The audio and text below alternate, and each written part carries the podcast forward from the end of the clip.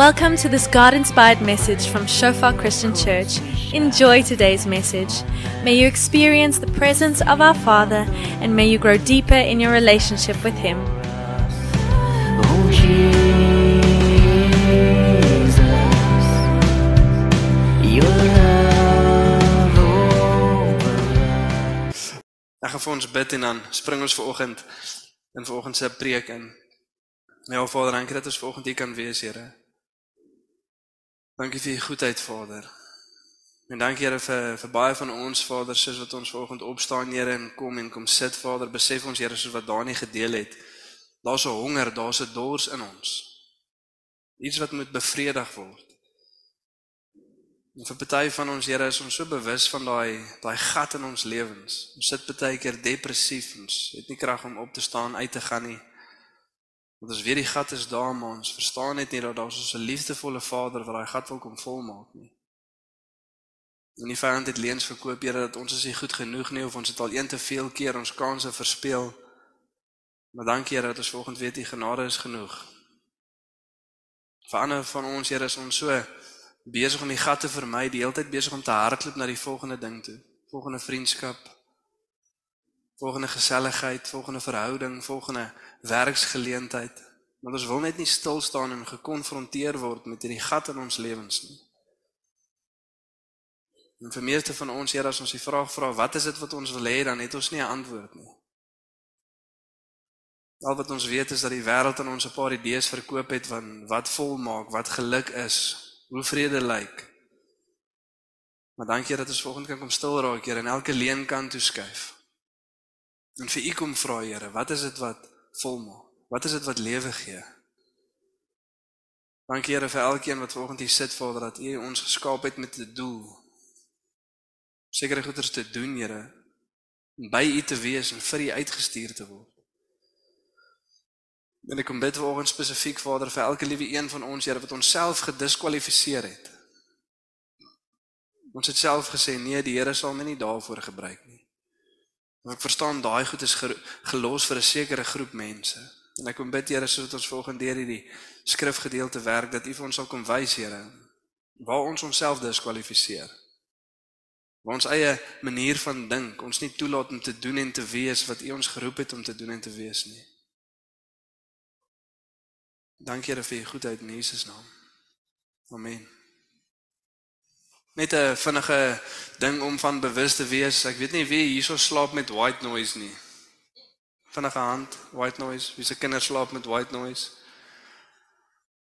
Jy hoor daai so stil bly, dis 'n bietjie white noise. Dit is laat moeilik vir baie mense om in die kerk wakker te bly. Nou is daar nog white noise ook.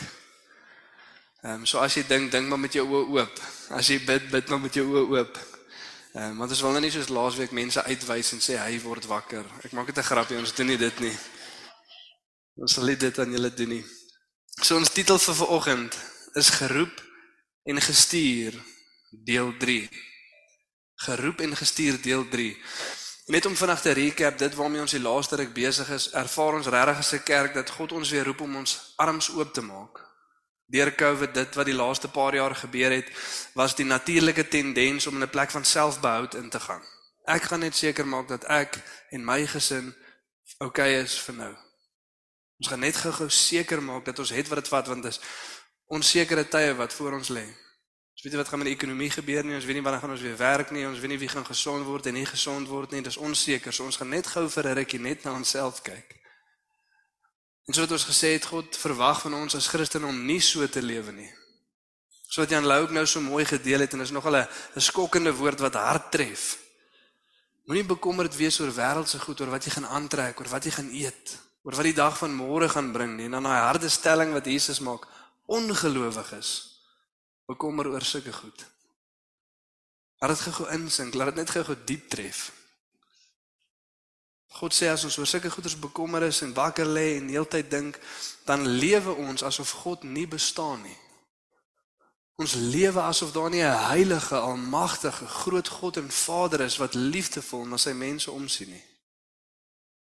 Amen. Harde waarheid. Maar terselfdertyd weet ons ook dat God 'n gemeenskap van gelowiges om ons gesit het en ons is hier om mekaar te help vir 'n rede. So het ons gesien het om mekaar se laste te dra, daar vir mekaar te wees, mekaar op te bou. Hier is waar ons geestelik groei, hier is waar ons mekaar bemoedig. En God het die gemeenskap so in mekaar gesit dat van ons het 'n gebrek in sekere areas juis sodat die kerk daar vir mekaar kan wees en vir die wêreld kan wys hoe liefde lyk. So besef dit gou vanoggend. Jy het iewers 'n iets in jou lewe wat wat nie daar is nie wat veronderstel om daar te wees. Daar's so 'n nood.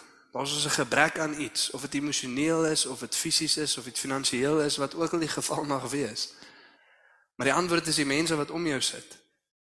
En baie keer moet ons net ons trots sluk en sê, "Hey, help my in hierdie area sodat ons daar vir mekaar kan wees." Maar die Here roep ons om ons arms oop te maak, om ons oë op te lig, om te kyk na die mense om ons. Gemeenskap van gelowiges ja eerste, maar tweedens ook die wêreld daar buite. En soos ons gesê het, ongelukkig deur die eeue as mens na die kerk kyk, is een van die goeders wat uitstaan nie 'n groot bereidwilligheid om te doen wat God sê nie. Ongelukkig. Ons is die mens dom nie die mens slim nie. Ons sukkel so 'n bietjie, nê. En so sukkel ons nie. Die vraag wat ons osself moet vra is, hoekom is daar so traagheid? Hoekom is ons so moeilik om te doen wat God van ons verwag? Hoekom beweeg ons nie vorentoe nie? Is dit ons gesê het ongelukkig in ons kultuur waarin ons lewe as tradisionele Afrikaners probeer party van ons lewe soos Christene sonder dat ons eintlik Christene is. En dis vir ons 'n moeilike konsep. Want ons word in die tradisionele kultuur groot en ons word van kleins af gesê ons is Christene en ons moet bid en ons moet kerk toe gaan, ons moet al hierdie goeders doen. Maar Skrif sê daar moet 'n dag kom wat ons aan God oorgee. Wedergeboorte. Jesus roep volg my. Iewers moes daar 'n dag gewees het wat ek gesê het, hier is ek, Here, ek volg. Dit gebeur nie van self nie. En party van ons wonder hoekom die speelding se liggies nie aankom nie en die rede is die batterye is nie binne nie. Ons het die heel eerste stap gemis. Om seker te maak die batterye is binne. En die vraag wat ons self vanoggend ook moet vra is: is ons gered? Ken ons werklik God? Het ons al oorgegee? En as nie, dan moet ons daar begin. En die tweede vraag wat ons osself moet vra is wat ons gekyk het na die stuk skrif in Jesaja 6, die heilige liefde van God. Is besef ons wie God is? Weer eens in 'n kultuur van tradisie van sekere goed van God geleer het en so gemaklik geraak het met met kerk toe kom en bid en na God toe gaan dat ons vergeet baie keer wie die een is tot wie ons nader. 'n Heilige God, 'n almagtige God. As iemand in die Bybel 'n konfrontasie met God het en hulle beleef wie hy is, dan besef hulle hier is die dag wat ek sterf. Isaia toe hy God sien het hy nie hoendervleis gekry en 'n goeie gevoel nie, nee. Hy het gevrees vir sy lewe en gesê dis die dag wat ek sterf. Sekerlik sal hierdie heilige God my nie laat lewe nie. En as sien ons in lig van dit, in lig van wie God is, dan maak die evangelie sin. As ons besef wie ons is en hoe kort ons val. Daar's geen goeie ding, geen goeie werk, geen goeie bydrae wat ek kan kom maak nie. Jesus alleen. Genade alleen, geloof alleen.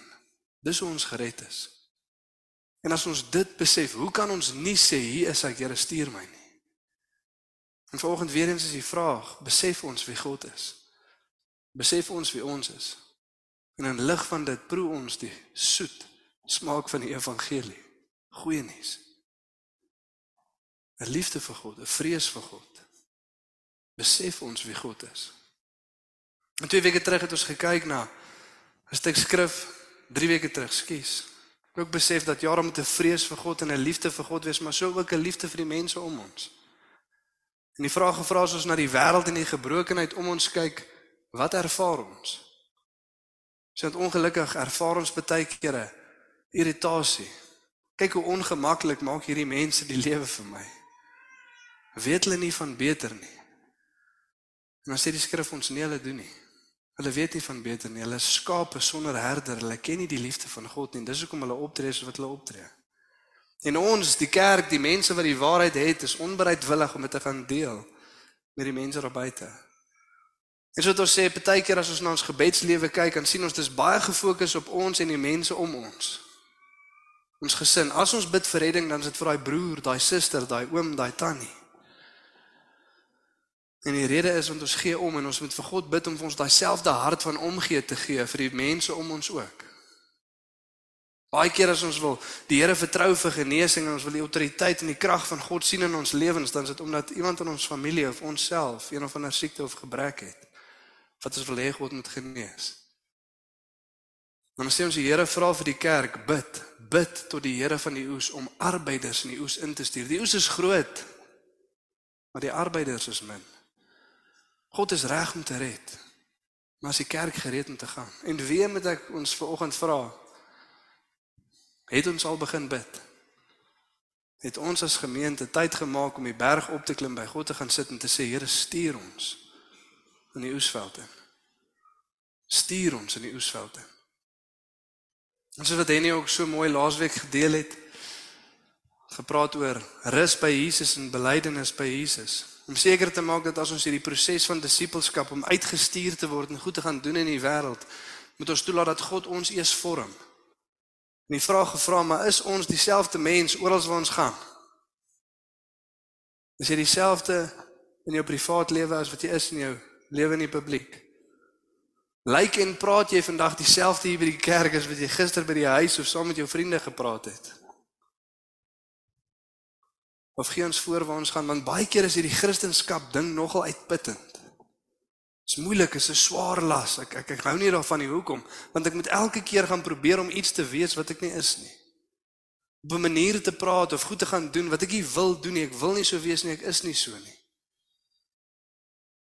En dan roep God ons om na hom toe te kom soos wat ons is sodat hy ons iets kan maak en wanneer ons uitbeweeg dan kan ons net onsself wees. Dan hoef dit ons nie uit te put nie. En soos Robin ook so mooi gedeel het vanoggend om net weer eens te besef dat elke liewe een van ons het die genade van God nodig. Nie een is perfek nie. Ons kan maar onsself wees hierso. Gaan party mense jou oordeel? Ja. Ons is mensdom. Ons doen dit. Party mense jou snaaks aan kyk? Ja. Maar ons is nog steeds geroep om onsself te wees. So dit sê ek en my vrou ook, ek weet nie hoekom ons altyd op Sondag of Woensdae beklei nie, Maar as ons nou met kerk toe kom of self toe gaan, dan is dit nou tyd om issues uit te sort. En ons kan nou nie die selgroep bel en sê ons kan nie kom nie die hond is siek want ons moet die selgroep bly. So ons moet nou maar daar wees, nê. Nee. Of hulle kom by jou huis toe. En dan is die tendens daar, so die versoeking is daar, so soos wat mense by die deur instap om handjies vas te hou en te smile en te sê welkom julle, welkom hier by ons. Om te sê moet dit nie doen nie. En as hulle sien so wat ek al gesê het, mense kan meer duidelik op my vrou se gesig sien as ons beklei is op myne baie keer. Om dan vir die mense te verduidelik as jy wonder wat hier aangaan, ons is mid-fight. Ons is besig om te beklei. En hopelik kan ons vir mekaar bid en op 'n goeie plek op die einde uitkom, maar kom ons wees net onsself. Kom ons wees net reël met mekaar. Kom ons wees reël met God, want baie keer weet ons nie eens wie ons self is nie. So gewoond aan voorgees ons. En God kan nie die mens wat ons voorgee om te wees verander nie. Hy wil die regte jy verander, die regte ek. En daarmee met ons deel. En vandag gaan ons bietjie meer prakties kyk na hoe hierdie proses van disippelskap lyk. As ons dan sê ons verstaan wie God is, ons het 'n vrees vir God, ons wil uitbeweeg. As ons dan sê ons het die mense om ons lief, ons wil graag die wêreld bereik. En as ons sê ons laat toe dat God die regte ons verander en ons wil die regte ons wees in gemeenskap. Hoe lyk hierdie proses van disippelskap dan? So het ons gesê deur hierdie stuk skrif wat ons lees, sien ons die hoekom van disippelskap, maar ook die hoe. Dis wat ek gesê het, die hoekom is 'n vrees en 'n liefde vir God en 'n liefde vir mense. Dis hoekom ons wil doen wat ons doen. En as ons nie wil uitgaan nie, dan moet ons eers daar stop. Jy kan al die boeke lees wat jy wil, jy kan al die skrif ken wat jy wil, maar jy gaan nie beweeg nie want die motivering is nie daar nie. 'n Liefde vir God en 'n liefde vir mense. Maar as ons dan nou dit het en ons wil uitbeweeg, hoe lyk dit? So het ons gesê het ons wil beweeg van Markus 1:17 na Matteus 28 vers 19. Markus 1:17 lees en Jesus sê vir hulle die eerste keer wat hy sy disippels roep: "Kom agter my aan en ek sal maak dat julle vissers van mense word." So het ons gesê het van die begin af die roep is baie duidelik. Elke liewe een van ons wat ver oggend hierso sit, is geroep om vissers van mense te wees, om disippels te gaan maak. Daar's nie so ding soos privaat geloof nie. Weet julle waar kom die konsep van jy met jou geloof privaat hou af? Soos wat die donker eeue die kerk allerhande snaakse goedjies kwyt geraak het, die Rooms-Katolieke kerk. En soos wat die half ehm um, wat noem 'n mens dit die die awakening, soos wat mense meer bewus geraak het van die wetenskap en sekere goeders en die wêreld daar buite meer sekulêr geraak het. Hierdie sekulêre wêreld gesê, luister hierso, hierdie Christene en hierdie gelowige mense doen dom goed. So kom ons sê vir hulle dis beter om jou geloof privaat te hou. Moet asseblief nie jou geloof in die werksplek of in 'n publieke plek inbring nie. So om te sê dat ons geloof 'n privaat ding is, is om te dink soos wat 'n ateïs dink. Dis nie God se idee nie. Ons as tradisionele Christene lewe mos ook baie keer so daar's 'n tyd en plek vir alles. Jy mag nie by die braai praat oor Christendom nie, nê? Dis mos 'n bietjie vreemd. Maar dit werk nie so nie. Oral waar ons gaan, alles wat ons doen is ons geroep om ons geloof uit te leef. Daar is nie so ding soos 'n privaat Christen nie of 'n privaat verhouding met God. Dit gaan net oor my en God, maar ek deel dit nie met die wêreld daar buite nie. Ons is geroep om dit te deel. Amen. En skrif maak dit vir ons duidelik. En dan sien ons Matteus 28 vers 19. As Jesus klaar die proses van disippelskap saam met sy disippels gestap het voordat hy opvaar hemel toe, dan sê hy vir hulle: "Gaan dan heen, maak disippels van al die nasies en doop hulle in die naam van die Vader en die Seun en die Heilige Gees en leer hulle om alles te onderhou wat ek julle beveel het." En vir elke lief vir elke liewe een wat ver oggend hier sit, is een van hierdie twee roepe besig om te gebeur. Jesus is of besig om jou vir die eerste keer te roep en te sê kom volg my. En ek sal jou visser van mense maak. En let op, hy sê nie kom volg my en probeer hard om 'n visser van mense te wees nie. Hy sê ek sal jou maak, ek sal jou vorm, ek sal jou toerus. Die roep is nie om goed vir God te gaan doen nie, die roep is om God te volg en by hom te wees sodat hy 'n werk binne ons kan doen. Amen. So of daai is die roep. En weer eens, het jy al ooit gesê, "Ja, Here, hier's ek, ek wil volg, ek wil oorgee." Want as jy nie het nie, dan is dit die roep volgend. En as jy al gesê het, "Ja, Here, ek volg, ek's by U," dan is die roep gaan en maak disippels. Doop hulle en leer hulle alles wat ek julle gesê het om te onderhou. Dit is onvermydelik, een van die twee goeters wat besig is om te gebeur. En miskien om net vir ons 'n definisie van wat 'n disipel is te gee sodat ons half daarmee kan werk. 'n Disipel is iemand wat soos Jesus die evangelie uitleef, verkondig en ander leer om dieselfde te doen. Dis wat 'n disipel is. Dis wat 'n Christen is. Iemand wat soos Jesus die evangelie uitleef, verkondig en ander leer om dieselfde te doen. Al drie goed moet daar wees. Ons kan dit nie net met ons lewe leef nie. Jy het lieg gesegde oor ons het al 'n paar keer in kerk gesê. Jy kan nie met jou lewe wys die evangelie nie. Hoe verduidelik jy met jou lewe dat ons is dood in sonde, bestem vir God se straf, beheer deur die duiwel en Jesus Christus het gekom om sy lewe vir ons te gee sodat ons vergifnis kan ontvang, hom kan volg, deur die krag van die Gees die wedergeboorte ontvang en eendag saam met hom in die hemel wees. Wie wie is goed met charades of 30 seconds? Ons kan nie eens Michael Jackson verduidelik deur ons leefstyl nie. Hoe gaan ons die evangelie verkondig? Jy kan dit nie net deur jou lewe doen nie. Die evangelie gaan nooit minder as woorde wees nie. Ons moet die woorde verkondig aan die mense om ons. Amen. Dit is baie keer intimiderend, maar ons nog steeds wat ons geroep is om te doen. Ons leefstyl en die boodskap wat ons verkondig, terwyl ons ander leer om dieselfde te doen. Dis wat 'n disipel is. En wat vir my so interessant is ook van hierdie stuk skrif dat Jesus kom en hy hy bestee homself in mense om te gaan doen wat hy hulle geroep het om te doen. En dit het my so herinner aan Ian Bounds se een gesegde wat hy sê in sy boek Power Through Prayer. Dan sê hy die kerk en die wêreld is die hele tyd besig om te kyk vir beter programme, beter stelsels en beter vermaak terwyl God op soek is na beter mans en vrouens om sy werk te gaan doen. Amen. Die kerk is heeltyd besig om soek na beter programme. Hoe kan ons die program lekker effektief maak sodat mense kerk toe kom? Ons wil nie te lank daar hou nie sodat hulle dit net net geniet. Ons wil nie te lank sing, jy wil nie te kort sing, jy wil die regte liedjies sing. Die program raai wees en elke nou en dan dan kry ons 'n gasspreker in want dan moet bietjie vermaak wees. En dan sal die mense kom. Ek meen dis 'n goeie plan. En God sê nee, ek soek nie 'n beter program nie. Ek soek beter Christene wat volg en doen wat ek hulle geroep het om te doen. Die kerk is nie geroep om 'n entertainment senter te wees sodat die wêreld kan kom nie. Nee, die kerk is geroep om disippels te wees wat na die wêreld toe gaan. Amen. Om die boodskap van die evangelie te gaan verkondig daar waar die mense is. Jy sien in vandag se tyd en konteks dink ek ook ons ons het bietjie sig van die visie verloor so ons ons gee so 'n afgewaterde roeping net sodat dit bietjie gemakliker lyk. Kom ons begin rustig. Nooi net nooi net die mense kerk toe. Ons sal hulle die evangelie gaan verkondig of wat ook al. Die eerste keer toe Jesus die disippels uitstuur, toe sê hy gaan verkondig die evangelie, genees die siekes, dryf demone uit en wek die dooies uit die dood uit op. Hoe's dit vir 'n eerste enetjie? Sê ek sê, maar wag hier, moet ons nie net 'n paar mense pamflet uitdeel dat hulle kom en eers kyk hoe u dit doen nie? Moet ons dit self gaan doen? Of kom ons begin net bid vir die siekes eers met die dooies opwek is bietjie is bietjie next level.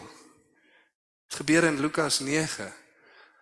En dan by Lukas 10 as hulle die 27 na hulle uitstuur dan hulle hoef nie die dooies op te wek nie want hy sê die ander 12 het dit klaar gedoen kon nie meer dwaai ou kry om dit op mee te gaan traai nie want almal is uit die dood uit opgewek. Maar ons moet net ons gedagtes skuif vir wat God in en deur ons kan kom doen. Amen. Ons is geroep om te gaan en te doen wat God ons geroep het om te doen. So kom ons lees lekker deur hierdie stuk skrif. So het ons gesê dis Matteus 9, Lukas 6, Markus 3. Dis dieselfde verhaal uit verskillende perspektiewe uitgeskryf en wanneer ons dit bymekaar sit, dan kry ons mooi die vloei van die storie en wat gebeur het. Matteus 9:35 tot 37. En Jesus het by al die stede en dorpe rondgegaan en in hulle sinagoges geleer en die evangelie van die koninkryk verkondig en elke siekte en elke kwaal onder die volk genees. En toe hy die skare sien, het hulle innig jammer gevoel vir hulle, omdat hulle moeg en uitgeput was, so skape wat geen herder het nie. Toe sê hy vir sy disippels: "Die oes is wel groot, maar die arbeiders min." Bid dan dat die Here van die oes, dat hy die arbeiders in sy oes mag uitstuur. En hy het in daardie dae uitgegaan na die berg om te bid en die nag in die gebed tot God deurgebring. En na hom geroep die wat hy wou hê en hulle het na hom toe gekom. En hy het 12 aangestel sodat hulle saam met hom kon wees en hulle kon uitstuur om te preek en magte hê om siektes te genees en die duiwels uit te dryf. En toe die dag geword het, het sy disippels na hom geroep en 12 van hulle uitgekies wat hy apostels genoem het.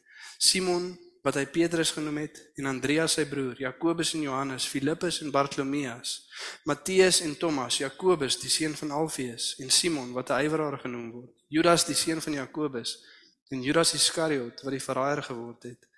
En hy het met hulle afgeklim en op 'n gelyke plek gaan staan en daar was 'n skare van sy disippels en 'n groot menigte van die volk van die hele Judea en Jerusalem en die kusstreek van Tyrus en Sidon af wat gekom het om hom te hoor en van hulle kwale genees te word en die wat te kwel gekwel was deur onrein geeste is ook genees. So het ons gesê daar's ons as die prentjie nou mooi bymekaar sit, dan kry ons die proses van disippelskap, hoe dit lyk om Jesus te volg. Hoe dit vir ons lyk as ons wil groei in ons geestelike lewe. Ons sien die motivering daar's uit hulle innig jammer gekry, daai liefde waarvan ons gepraat het, daai berg opklim en bid dat die Here mense sal stuur en dan roep hy die mense wat God vir hom gewys het om uit te stuur in die oes. Dan sê hy vir hulle wat hy van hulle verwag en dan wys hy hulle hoe dit lyk voordat hy hulle uitstuur in die wêreld. Die proses van disippelskap. Die Engels maak dit 'n bietjie makliker. Ek weet nie hoekom daar altyd alliterasie is of een of ander mooi akroniem of 'n ding nie. Maar by die Engels is dit say, show, send en support. Say, show, send en support. Of jy kan eintlik die support voor die send sit. Say, show, support send. Afrikaans doen dit nou nie so lekker nie. Sê, wys, ondersteun en stuur. Sê, wys, ondersteun en stuur. Dis hoe disippelskap lyk in elke liewe area van lewe. Die wat terugdink skool daar, hoe het hulle jou geleer? Juffrou sê vir jou wat ons nou gaan doen, dan wys sy jou Byvoorbeeld, dan ondersteun sy jou in die klas terwyl jy dit doen en dan stuur sy jou huis toe om dit self te gaan doen by die huis. As ek net dit geweet het, sou ek my huiswerk altyd gedoen het. Ek het net nie geweet dis daai mooi voorbeeld wat hulle volg en dat dit so eenvoudig is en as ek dit by die huis self doen, ek het beter gaan leer en en onthou nie. Anders uit my maal is dis, hulle weet ek wou graag altyd ek net nie geweet hoekom nie. Sê, wys, ondersteun en stuur. Selfs by jou huis, selfs met enige sport, selfs met die manier ons ons kinders veronderstel is om op te bring. Lewe in 'n kultuur waar ons baie sê maar min wys, nog minder ondersteun en min stuur. Amen. En dis hoe die pr- proses veronderstel is om te lyk in ons eie lewe. As dit kom by disippelskap. En een ding wat ons moet besef dat dit is glad nie kompleks nie. Dis glad nie kompleks nie, dis baie eenvoudig. Al wat ons kort is intentionaliteit. Om God te dien, om te wees wat God van ons verwag om te wees, om te doen wat God van ons verwag om te doen, al wat ons kort is intentionaliteit. Mense wat sê hier is ons Here, ons volg, ons kyk, ons let op. Maar dit begin hier so by die sê.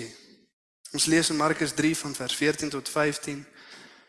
Dan sê Jesus en hy het 12 aangestel sodat hulle saam met hom kon wees. Ons het laas keer daarna gekyk, die belangrikheid van by Jesus wees, toelaat dat hy ons vorm, toelaat dat hy ons uitstuur.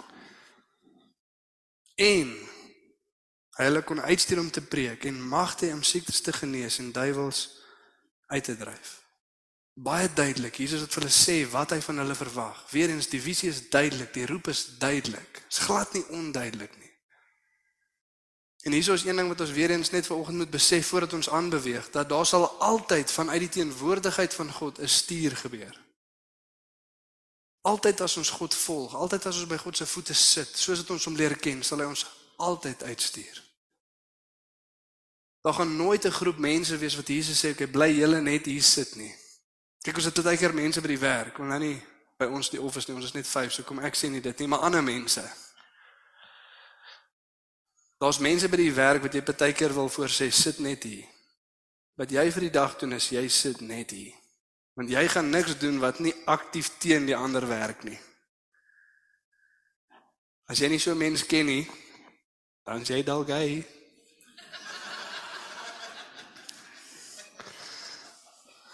En dis oukei. Okay. Die Here gebruik van ons om, jy weet, karakter te bou meer as fisiese goed bou en strukture in plek te sit. Soos die wat die karakter bou en sekere goeders toets in mense ook veronderstel om daarso te wees. Maar maar daar's nie so disipel nie. Daar's nie 'n persoon waarvoor God sê, "Jesus, ek het jou gemaak en ek het aan jou gedink toe ek jou gemaak het, maar nou dat jy hierso is, sien ek dit gaan nie so lekker werk nie, so sit jy net hier." Nee, elkeen is geroep met 'n doel om uit te gaan, 'n spesifieke funksie te gaan vervul. Daar gaan altyd 'n stuur kom. En die rede hoekom ek dit sê is, want hier's die ding wat ons moet besef. As jy ver oggend dink jy volg God al jare lank, maar dat nog nooit een of ander proses van disippelskap uit jou lewe uitgevloei nie, dan mislei jy jouself. Julle met my volgend. As ek sê ek volg God al jare lank, ken hom al jare lank, maar ek is nog nooit besig om ander mense te disipel nie, of ek het nog nooit gegroei as 'n disipel nie, dan mislei ons onsself. Dan is die kans daar dat ons nog nooit gesê het hier is ek Here ek wil volg nie. Dan is die kans daar dat ons nooit werklik wedergebore geword het nie. Ons was geleer om op 'n sekere manier te dink oor onsself en die mense om ons, maar die realiteit het nog nooit plaasgevind nie. En volgens as jy dit besef, is dit oukei. Okay. Want ons moet dit besef sodat ons initieel kan sê hier's ek Here, ek volg, ek glo, stuur my, wek iets binne in my op. As die Bybel nog altyd net daai deurmekaar vervelige boek was wat ek glad nie verstaan nie, dan het ons stap 1 gemis. Ons het nog nooit ja gesê om te begin volg nie. Want God wek iets binne in ons op, daar's wedergeboorte wat plaasvind, ons oë wat oop gaan na geestelike realiteit sodat ons God begin volg as ons ja sê vir hom. Amen.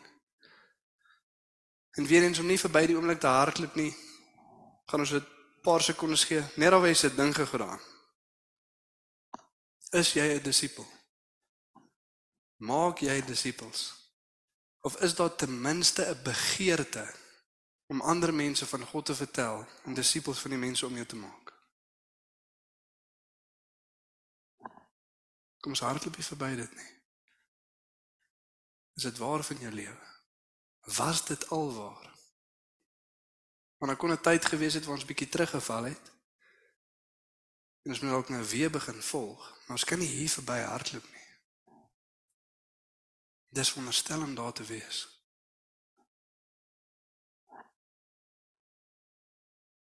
En as dit nie daar soos nie, so eenvoudig soos roep. Here kom red. Here kom lei. Here kom gee 'n nuwe lewe. Amen. Die antwoord is nie om in jou hart gaan probeer om vir God jouself te wys dat jy dit kan doen en dan hom vra om jou te help om dit te doen nie. Dit maak nie sin nie. Roep net uit na God toe sodat hy kan kom lei. En hierso sien ons nou Jesus roep duidelik vir hulle. Hy sê vir hulle duidelik wat dit is wat hy van hulle verwag. En hierso is waar ons moet stil staan. Vanaand net gou 'n vraagie, nog 'n vraag vir introspeksie. En dan kan ons bietjie prakties wees na dit. Maar as jy hierdie hoor, imagine gou Jesus homself staan voor jou en hy roep jou op jou naam. En hy sê vir jou, ek het jou geroep, jou naam en ek het jou uitgestuur om te preek, om mag te hê om siektes te genees en om duiwels uit te dryf. Jesus het dit nou net vir jou gesê. Dis wat hy van jou verwag. Dis wat hy wil hê jy moet doen. Jy moet gaan bedien. Hoe voel jy? Ons het hierdie week by selfgroep ook gevra, maar wat wat ervaar jy? Wat wat voel jy as jy dink jy moet gaan bedien aan mense? Situasie het nou net gebeur, jy kan nie die pastoor of die dominee bel nie. Jy's nou die man of the hour. Jy moet nou go. Hoe voel jy? Wat gebeur binne in jou? Is daar angs, is daar onsekerheid? Is daar iets wat sê nee, ek is nie toegerus vir dit nie? Is daar dalk ietsie wat sê nee, God sal ander mense gebruik om dit te doen, maar nie vir my nie. Dis nie maar die hartseer ding is. Die vyand het aan soveel van ons leuns kom verkoop dat ons het onsself klaar gediskwalifiseer nog voordat God begin roep het. Het jy al ooit die volgende woorde gesê? Nee, die Here sal nooit laat ek. Het jy dit al gesê? Of die Here sal my nooit gebruik om Of ek voel die Here sal eerder daai mense gebruik om. Of ek dink hulle is geroep om. Jy ooit so gedink? En baie keer is dit net oor dit wat ons dink ons kan en nie kan doen nie. Partykeer het ons onsself gediskwalifiseer oor dit wat ons in die verlede gedoen het. Party van ons dink dalk ja, ek verstaan daar was 'n tyd wat God my kon gebruik, maar na die laaste paar kere wat ek gedoen het wat ek gedoen het, sekerlik nie meer nie. Daai kans is nou verby. One too many times. Ek verstaan daar was vergifnis die eerste keer, maar die tweede, die derde, die vierde, ek weet nie meer nie. En die woord van God is vir oggend is God se genade genoeg. Al het jy jouself gediskwalifiseer, God het nie. Die oomblik as ons na hom toe draai en vir vergifnis vra, dan is hy getrou om ons van ons sonde te vergewe en van alle ongeregtigheid te reinig. Sy skryf dit sê nie ek nie. Dis nie 'n mooi idee nie, dis God se waarheid. Hy sal vergewe, hy sal skoon was en hy sal jou weer gebruik. Dit een van die mooi goed soos wat Petrus vir Jesus verloon het, Ons voel baie keer ook so dapper soos Petrus. As Jesus vir sy disippels sê, luister hier, so 'n tyd gaan kom waar die mense my in hegtenis kom neem en julle almal gaan weghardloop, dan wat sê Petrus? Nee, hulle mag dalk, Here, maar ek sal nooit. Party van ons het dalk al so gevoel op 'n kol. Ek sal nie, Here. Dan moet ek doodgaan, dan moet ek in die tronk gegooi word. Petrus se woorde. Ek sal U volg. En wat sê Jesus vir hom? Voor die aand drie keer kraai jy my 3 keer verloon. Met ander woorde, jy gaan dit nie eens deur die aand maak nie. Jy sal myself, jy sal my nie kan volg op jou eie krag deur die aand nie. Jy sal dit nie maak tot die volgende dag nie. En die volgende oggend hardloop Petrus weg. Skaam, jy kan imagine hoe hy gevoel. Imagine die derde keer wat jy Jesus vra en jy kyk kant toe en daar staan en hy kyk vir jou. Kyk Jesus vir Petrus in sy oë. Terwyl Petrus vir Jesus verloon terwyl Jesus op pad is om vir hom te gaan sterf op 'n kruis. Dis die realiteit. En nadat Jesus sterf op die kruis, dan sê hy vir die dames wat by die graf is as Jesus uit die dood uit opgewek word. Dan sê hy vir hulle wat gaan roep my disippels en Petrus. Gaan roep vir Petrus ook. Dis oukei, okay, jy kan weer kom. Voer my skape, maak disippels van mense, maar jou roeping is nie weg nie. Hy wil nog steeds gebruik my genade is genoeg. Amen. So moenie jouself diskwalifiseer vanoggend oor wat jy gedink jy doen het nie. Of hoe jy dink God jou kan gebruik nie. Want as ons nie dit kan besef nie, gaan niks anders gebeur nie. Niks anders gaan skuif nie. Jy gaan nooit doen wat jy dink jy nie kan doen nie. Dit maak sin. Baie goeie logika daarso. Ek kan dit neerskryf op Facebook post. Daai's wysheid, jong. Maar as jy nie dink jy gaan kan nie, dan gaan jy nie dit doen nie. Letterlik so eenvoudig soos dit. Maar om God te vertrou om wat ook al hy te kom doen. En party van ons gaan na hierdie diens moet bely. As jy dit gesê het, as jy gesê het nee, God sal my nooit so gebruik nie of sal my nooit daartoe stuur nie of hy gaan ander mense gebruik om dit te doen, dan is dit nie net 'n uh, kopskuif wat moet plaasvind nie, dis belydenis wat moet plaasvind. Hoekom? Want jy het God in 'n boks gesit. Ek meen dink gou vir 'n oomblik aan. God kom en hy sê hy wil jou op 'n sekere manier gebruik en jy sê vir die almagtige God van die heelal wat alles weet, ja Here, ek weet nie of U alles weet my my tekortkominge, my goedjies waarmee ek sukkel. Ek weet nie of U bewus is daarvan nie. Dink vir 'n oomblik aan. Ons doen dit baie keer.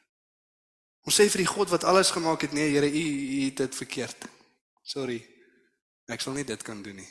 Hy weet. En hy roep nie die mense wat klaar voorberei is nie, hy berei die mense voor wat ja sê vir hom. Amen.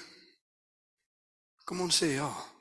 Maar as jy dit al ooit gesê het of jy jouself gediskwalifiseer het, dan moet jy na hierdie diens vir God sê, Here, ek is jammer dat ek dit gedink het, dit gesê het, een 'n boks gesit het oor hoe U my kan gebruik en nie kan gebruik nie. Ek gee oor aan U. Wat ook al, wanneer ook al, waar ook al, hier is ek, Here. Stuur my. Amen. Want kyk nou die verandering. Jesus het saam sy disippels vir 'n paar maande rondgeloop, 'n paar goeders gedoen, gepreek, siekes genees, demone uitgedryf. Al daai goed gedoen. Maar hier sê hy vir hulle duidelik wat dit is wat hy wil hê hulle moet doen. En dan wys hy weer vir hulle en ek dink hulle let so klein bietjie anders op as hulle van die berg afkom as wat hulle gedoen het voor die tyd.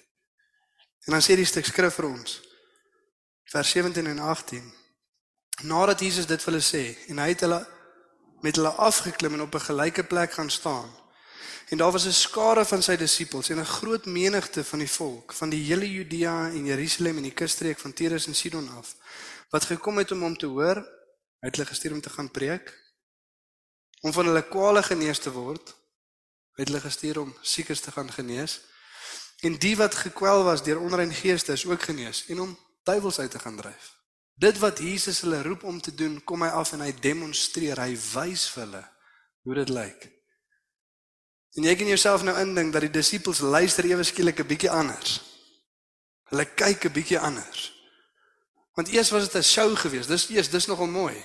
Dis lekker om vir Jesus te volg en te sien hoe hy al hierdie goeders doen, maar nou het hy vir my gesê ek gaan dit ook moet doen. En ewe skielik kyk ek 'n bietjie anders. En ek let 'n bietjie anders op en ek maak 'n bietjie anders notas sodat dit wat God in my doen, hy ook deur my kan kom doen. Amen. Jy sien partykeer luister ons net om te ontvang en nie om te gaan gee nie. En ons moet net daai gedagtes skuif maak. Dat dit wat God hier verkondig is nie net vir ons om in te neem nie, maar is vir ons om môre te gaan verkondig aan die mense wat ons ken ook. Amen. En so moet ons begin groei om notas te maak sodat ons uit kan gaan en vir ander mense ook kan verkondig. Die enigste persoon vir wie jy nie mag notas maak nie is wie? jou man of jou vrou. Partykeer sit ons in 'n huweliksseminar of huweliksvoorbereiding en jy's geneig om vir hulle notas te maak. Die goedjies waarna hulle bietjie moet werk, nê. Nee. So maak notas om waarheid te gaan verkondig aan die mense om ons moet dit nie met jou man of jou vrou doen nie. Dit werk nie. Het ek al gehoor. Mag jy self probeer nie, maar ek leer my uit ander mense se foute uit. Maar ons moet toelaat dat God dit in ons kom doen en dan deur ons kom doen. En dieselfde is ook waar baie keer maak ons die teenoorgestelde fout. Ons raak so gewoond om te luister om te gaan verkondig dat ons vergeet om eers te kyk of ons lewe belyn met daai waarheid. En dis ook gevaarlik. Ons is Jesus die evangelie uit te leef en te verkondig. Om seker te maak dat die woord van God transformeer ons en dan stuur hy ons uit om dit vir die mense daar buite ook te gaan verkondig. Nou waar gebeur dit? Waar gebeur 'n proses waar ons saam kan sit, vir mekaar kan sê, vir mekaar kan wys, mekaar kan ondersteun en mekaar kan stuur? Selgroep. Dis waar dit gebeur. Dis hoekom ons selgroepe het. Ons het nie gedink ag ons sien mekaar nou op Sondag, ons mis mekaar bietjie deur die week, kom ons kom maar Woensdag ook by mekaar nie. Nee, daar's 'n rede vir dit. Elkeen is ook uniek. God het vir ons verskillende gawes gegee om op verskillende maniere te gebruik. Maar dis 'n plek waar ons bymekaar kom om mekaar te sê wat dit is wat God ons roep om te doen. Waar ons mekaar wys hoe dit lyk. Waar ons mekaar ondersteun terwyl ons dit doen en stuur om dieselfde te gaan doen. Ons baie sulke plekke in kerk. Intercession. Wie het al ooit gedink hulle wil bietjie werk in hulle gebedslewe? Bietjie leer om te bid, leer om God se stem te hoor. Hier's hierdie vreemde mense en ek wil jammer sê daaroor. Hier's hierdie vreemde charismatiese mense en hulle sê elke nou en dan en toe sê die Here vir my en toe lei die Here my en toe wys die Here my. As jy net 'n kerk agtergrond uitkom nie dan dink jy, "Hoe? Hoe lyk dit? Het die Here jou e-mailadres? Wat gebeur?" Nee, want ons sê dit net so van selfsprekend. Toe sê die Here my. Die ander mense dink jy's ek het nog nooit hierdie stem gehoor wat sommer net van buitekant af kom. Hoe werk dit? En kom, saam met die mense na intercession toe. Kom bid saam, kom leer hoe dit werk. Dis nie hierdie stem wat kom of Here wat vir jou e-mail stuur nie, maar kom leer om te groei in daai areas waar mense besig is om te doen. Kom kyk. Eerste paar kere toe ek by intercession was, het ek net stil gesit en net gekyk hoe die ander mense dit doen, wat besig is om te gebeur, om te leer sodat ek dit self ook kan doen. As die Here jou 'n gawe gegee het van onderrig, ja, hou altyd daarvan om vir mense goeders te vertel. As jy bietjie preek vir mense. Kom, kom kyk op 'n ander manier. Kom Bybelskool toe. Kom na die encounters toe en kom leer dat jy dit ook volgende keer ook kan verkondig. Dan ondersteun ons mekaar sodat ons groei en ons stuur ons mekaar om dit te gaan doen. Missions. Ek weet dink baie keer ons ek weet nie wat ons baie keer dink as ons sendingspanne uitstuur om te gaan evangeliseer in ander lande of in ander plekke nie. Dink baie mense nee, Jesus, ek weet nie hoe dit werk nie. Ek was nog nooit op een nie, so ek gaan eerder nie gaan nie. Ag jy nooit gaan nie. Jy moet iewers gaan vir die eerste keer om te sien hoe dit lyk. Maar gaan net. Gaan kyk, gaan sien, gaan leer en laat toe dat God jou vorm om dieselfde te gaan doen. Amen. En dan die van ons hierso wat kinders het, gesinne het, mense in ons lewens. Die vraag wat ek ook vir ons vanoggend moet vra is: pas ons hierdie selfde model toe in ons gesinslewe? Is ons besig om vir ons kinders te sê wat dit is wat God van ons verwag? Is ons besig om hulle te wys? Jy het vir jou kinders gewys hoe lyk dit as iemand bid? Hoe lyk dit as iemand stilte tyd doen? Hoe lyk dit as iemand die Here dien? Vir jou kind gesê kom kyk. Dis hoe pappa bid, dis ons vir mamma bid, dis ons vir hierdie bid. Wys ons hulle hoe dit lyk. Ondersteun ons hulle dan as hulle dit ook doen. Te bid, bid agter pappa aan, is mooi, kom ek leer jou. Ondersteun ons hulle terwyl ons dit doen en stuur ons hulle dan uit. Jy sien want ek dink min van ons is besig om ons kinders uit te stuur in die wêreld in.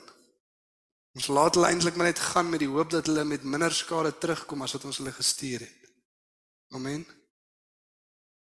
Of stuur ons hulle uit wetend dat hulle toegerus is met die waarheid van God en hulle kan gaan verskil maak daartoe waar hulle gaan.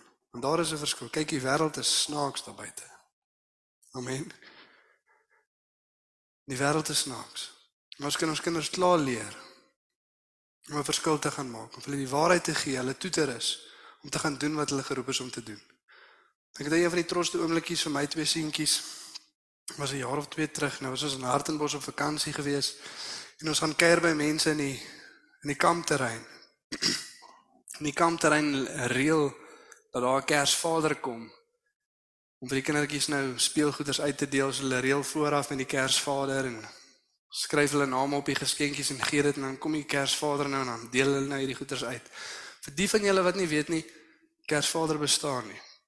As jy geskok is, sou kyk om gesels met my na die tyd. En dan tweede logiese order wat volg as jy vir jou kind sê iets bestaan wat nie bestaan nie, dan jok jy vir hulle. Wat dit so stil nou, jy skielik? So dit is obviously nie goed om vir jou kinders te jok nie. As jy dit ook geweet het. En in ons kultuur van tradisie en relativiteit kan ons nie ons kinders grootmaak om aan goeters te glo en oulike stories te volg wat nie waar is nie. Amen. Ons wil vir hulle die waarheid gee. Ons wil hulle toerus met die waarheid. En nou Jantjie en Shailen sit daar so, hulle is 2 en 3, sit in die kampterrein en hier kom die Kersvader. En een roep, "Jan Shailen, kom Kersvader is hier." So my twee seentjies bly net so in hulle stoele sit en sê, "Kersvader bestaan nie." En hulle is 2 en 3 jaar oud. Ons kan vir ons kinders die waarheid gee, hulle reg grootmaak, hulle in die wêreld instuur sodat goeders hulle nie affekteer en afbreek nie. Kersvader is nou nie iemand wat hoofsaaklik kindertjies afbreek nie, maar julle verstaan wat ek bedoel. Amen. So nou is die vraag wat ek vir ons volgende wil vra is: Is ons besig om te groei as disippels? Is ons besig om disippels te maak? If not, sluit by 'n selgroep aan. As jy klaar by 'n selgroep is, is dit baie keer net nodig om daai mentaliteit skuif te maak. Dat God het jou ook geroep om eendag 'n selgroep te lei. Daar's 'n dag wat kom wat ons jou moet uitplant, moet uitstuur. Vir jou naam ook, oh, jou gesiggie ook op daai bord is daar agter. Waar die nuwe mense ook kan gaan kyk by wiese selgroep kan ek deel raak. By julle is want God het ons geroep om disippels te maak. Sodat ons toegerus kan wees, uit kan plant sodat God mense kan stuur ons hulle kan toerus om dieselfde te gaan doen. Amen. Ek gaan vir ons bid. En ons kan saam staan vandag. En ek wil hê ons moet vir die Here vra, Here, wat is dit wat U besig is om te stir in ons harte? Waar is dit wat ek moet groei? Waar is dit wat ek moet deel raak? En waar is dit wat ek myself gediskwalifiseer het of alleen geglo dat God my op 'n sekere manier nie sal gebruik nie? En as God jou herinner in daai oomblikke, bely dit voor God en vra vir hom om te kom herstel en te kom lei. Amen. Ja, Vader, dankie dat ons volgens voor U kan kom, Here. Dankie vir 'n wonderlike dag, Here. Dankie vir 'n hoopvolle dag, Vader. En dankie vir die emosies, Vader, wat nou binne in harte is, Here. Vir party is daar groot onsekerheid en 'n vraag wat gevra word, maar maar ken ek God regtig? Volg ek hom regtig? Party wonder dalk gaan hy my ontvang as ek kom. Die skrif sê Jesus staan met sy arms oop en hy sal die wat na hom toe kom nooit wegwys nie. Nooit. Daar's nie 'n enkele ding wat jy kan doen wat die offer van Jesus Christus op die kruis nie groot genoeg is te vergewe nie. Maak nie saak hoeveel keer nie, solank as wat jy vandag asemhaal, kan jy uitroep na 'n liefdevolle Vader wat gaan vergewe. Maar weet ook dat ons die genade van God nie te vergeefs ontvang nie, want daar gaan 'n dag kom wat oordeel aanbreek. En as ons voor daai dag kom, nie bely het nie, nie gevolg het nie. Dan gaan dit 'n vreeslike dag wees. Gekonfronteer met die heiligheid van God. Wat sy seun gestuur het in liefde, maar hom het ons ook verwerp. Bely terwyl daar tyd is. Môre was vir niemand beloof nie. Keer terug, draai weg, laat gaan daai leë idee van lewe wat die wêreld aan jou verkoop het. Partykeer dink ons maar as ons God volg, gaan ons hierdie nie meer kan doen nie of daai nie meer kan doen nie of daai vriendegroep of hierdie ding. Dis leeg. Was niks op binne nie. Hy water gaan jou nie versadig maak nie. Los dit uit. Keer terug na die bron van lewende water. Toe sit jy eens volg net waar jy is. Roep uit na God toe. Sê hier is ek, Here. Party van ons voel opgewonde en angstig. Ons verstaan die moontlikheid dat God ons vir enigiets kan gebruik. Dit wat God deur my lewe kan doen is so groot, so wyd. Maar dan sou ook die angstigheid maar, maar maar gaan ek dit kan doen? Het ek dit wat dit vat? Die maklike antwoord is nee, ons het nie wat dit vat nie. Dis hoekom God dit vir ons gee. Dis hoekom hy dit deur ons doen. Dis hoekom hy sy gees in ons uitgiet om ons te bemagtig vir die werk wat hy ons roep om te doen. Al wat God van ons af verwag is ja, hier is ek, Here. Stuur my en om te begin loop. 'n Tree te begin vat. As jy wil groei groei in gebed, kom intercession toe. Kom voorbereiding toe. Kom bid saam, wees intentioneel. Dis nie moeilik nie. Kom kyk, kom leer. Partykeer moet ons net ons trots laat gaan en soos die disippels vra, leer my om te bid. God is hier in gees deur sy mense. Sy leer my om te bid. Ek verstaan die Bybel nie so lekker nie. Kom ons lees saam.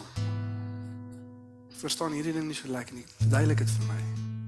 Kom ons vra mekaar, maar kom ons groei. Party van ons moet dalk na ons selfgebleiers toe gaan en sê, "Hey, ek ek ervaar die Here roep my om om eendag gesel te lei, my te plant, wys my hoe."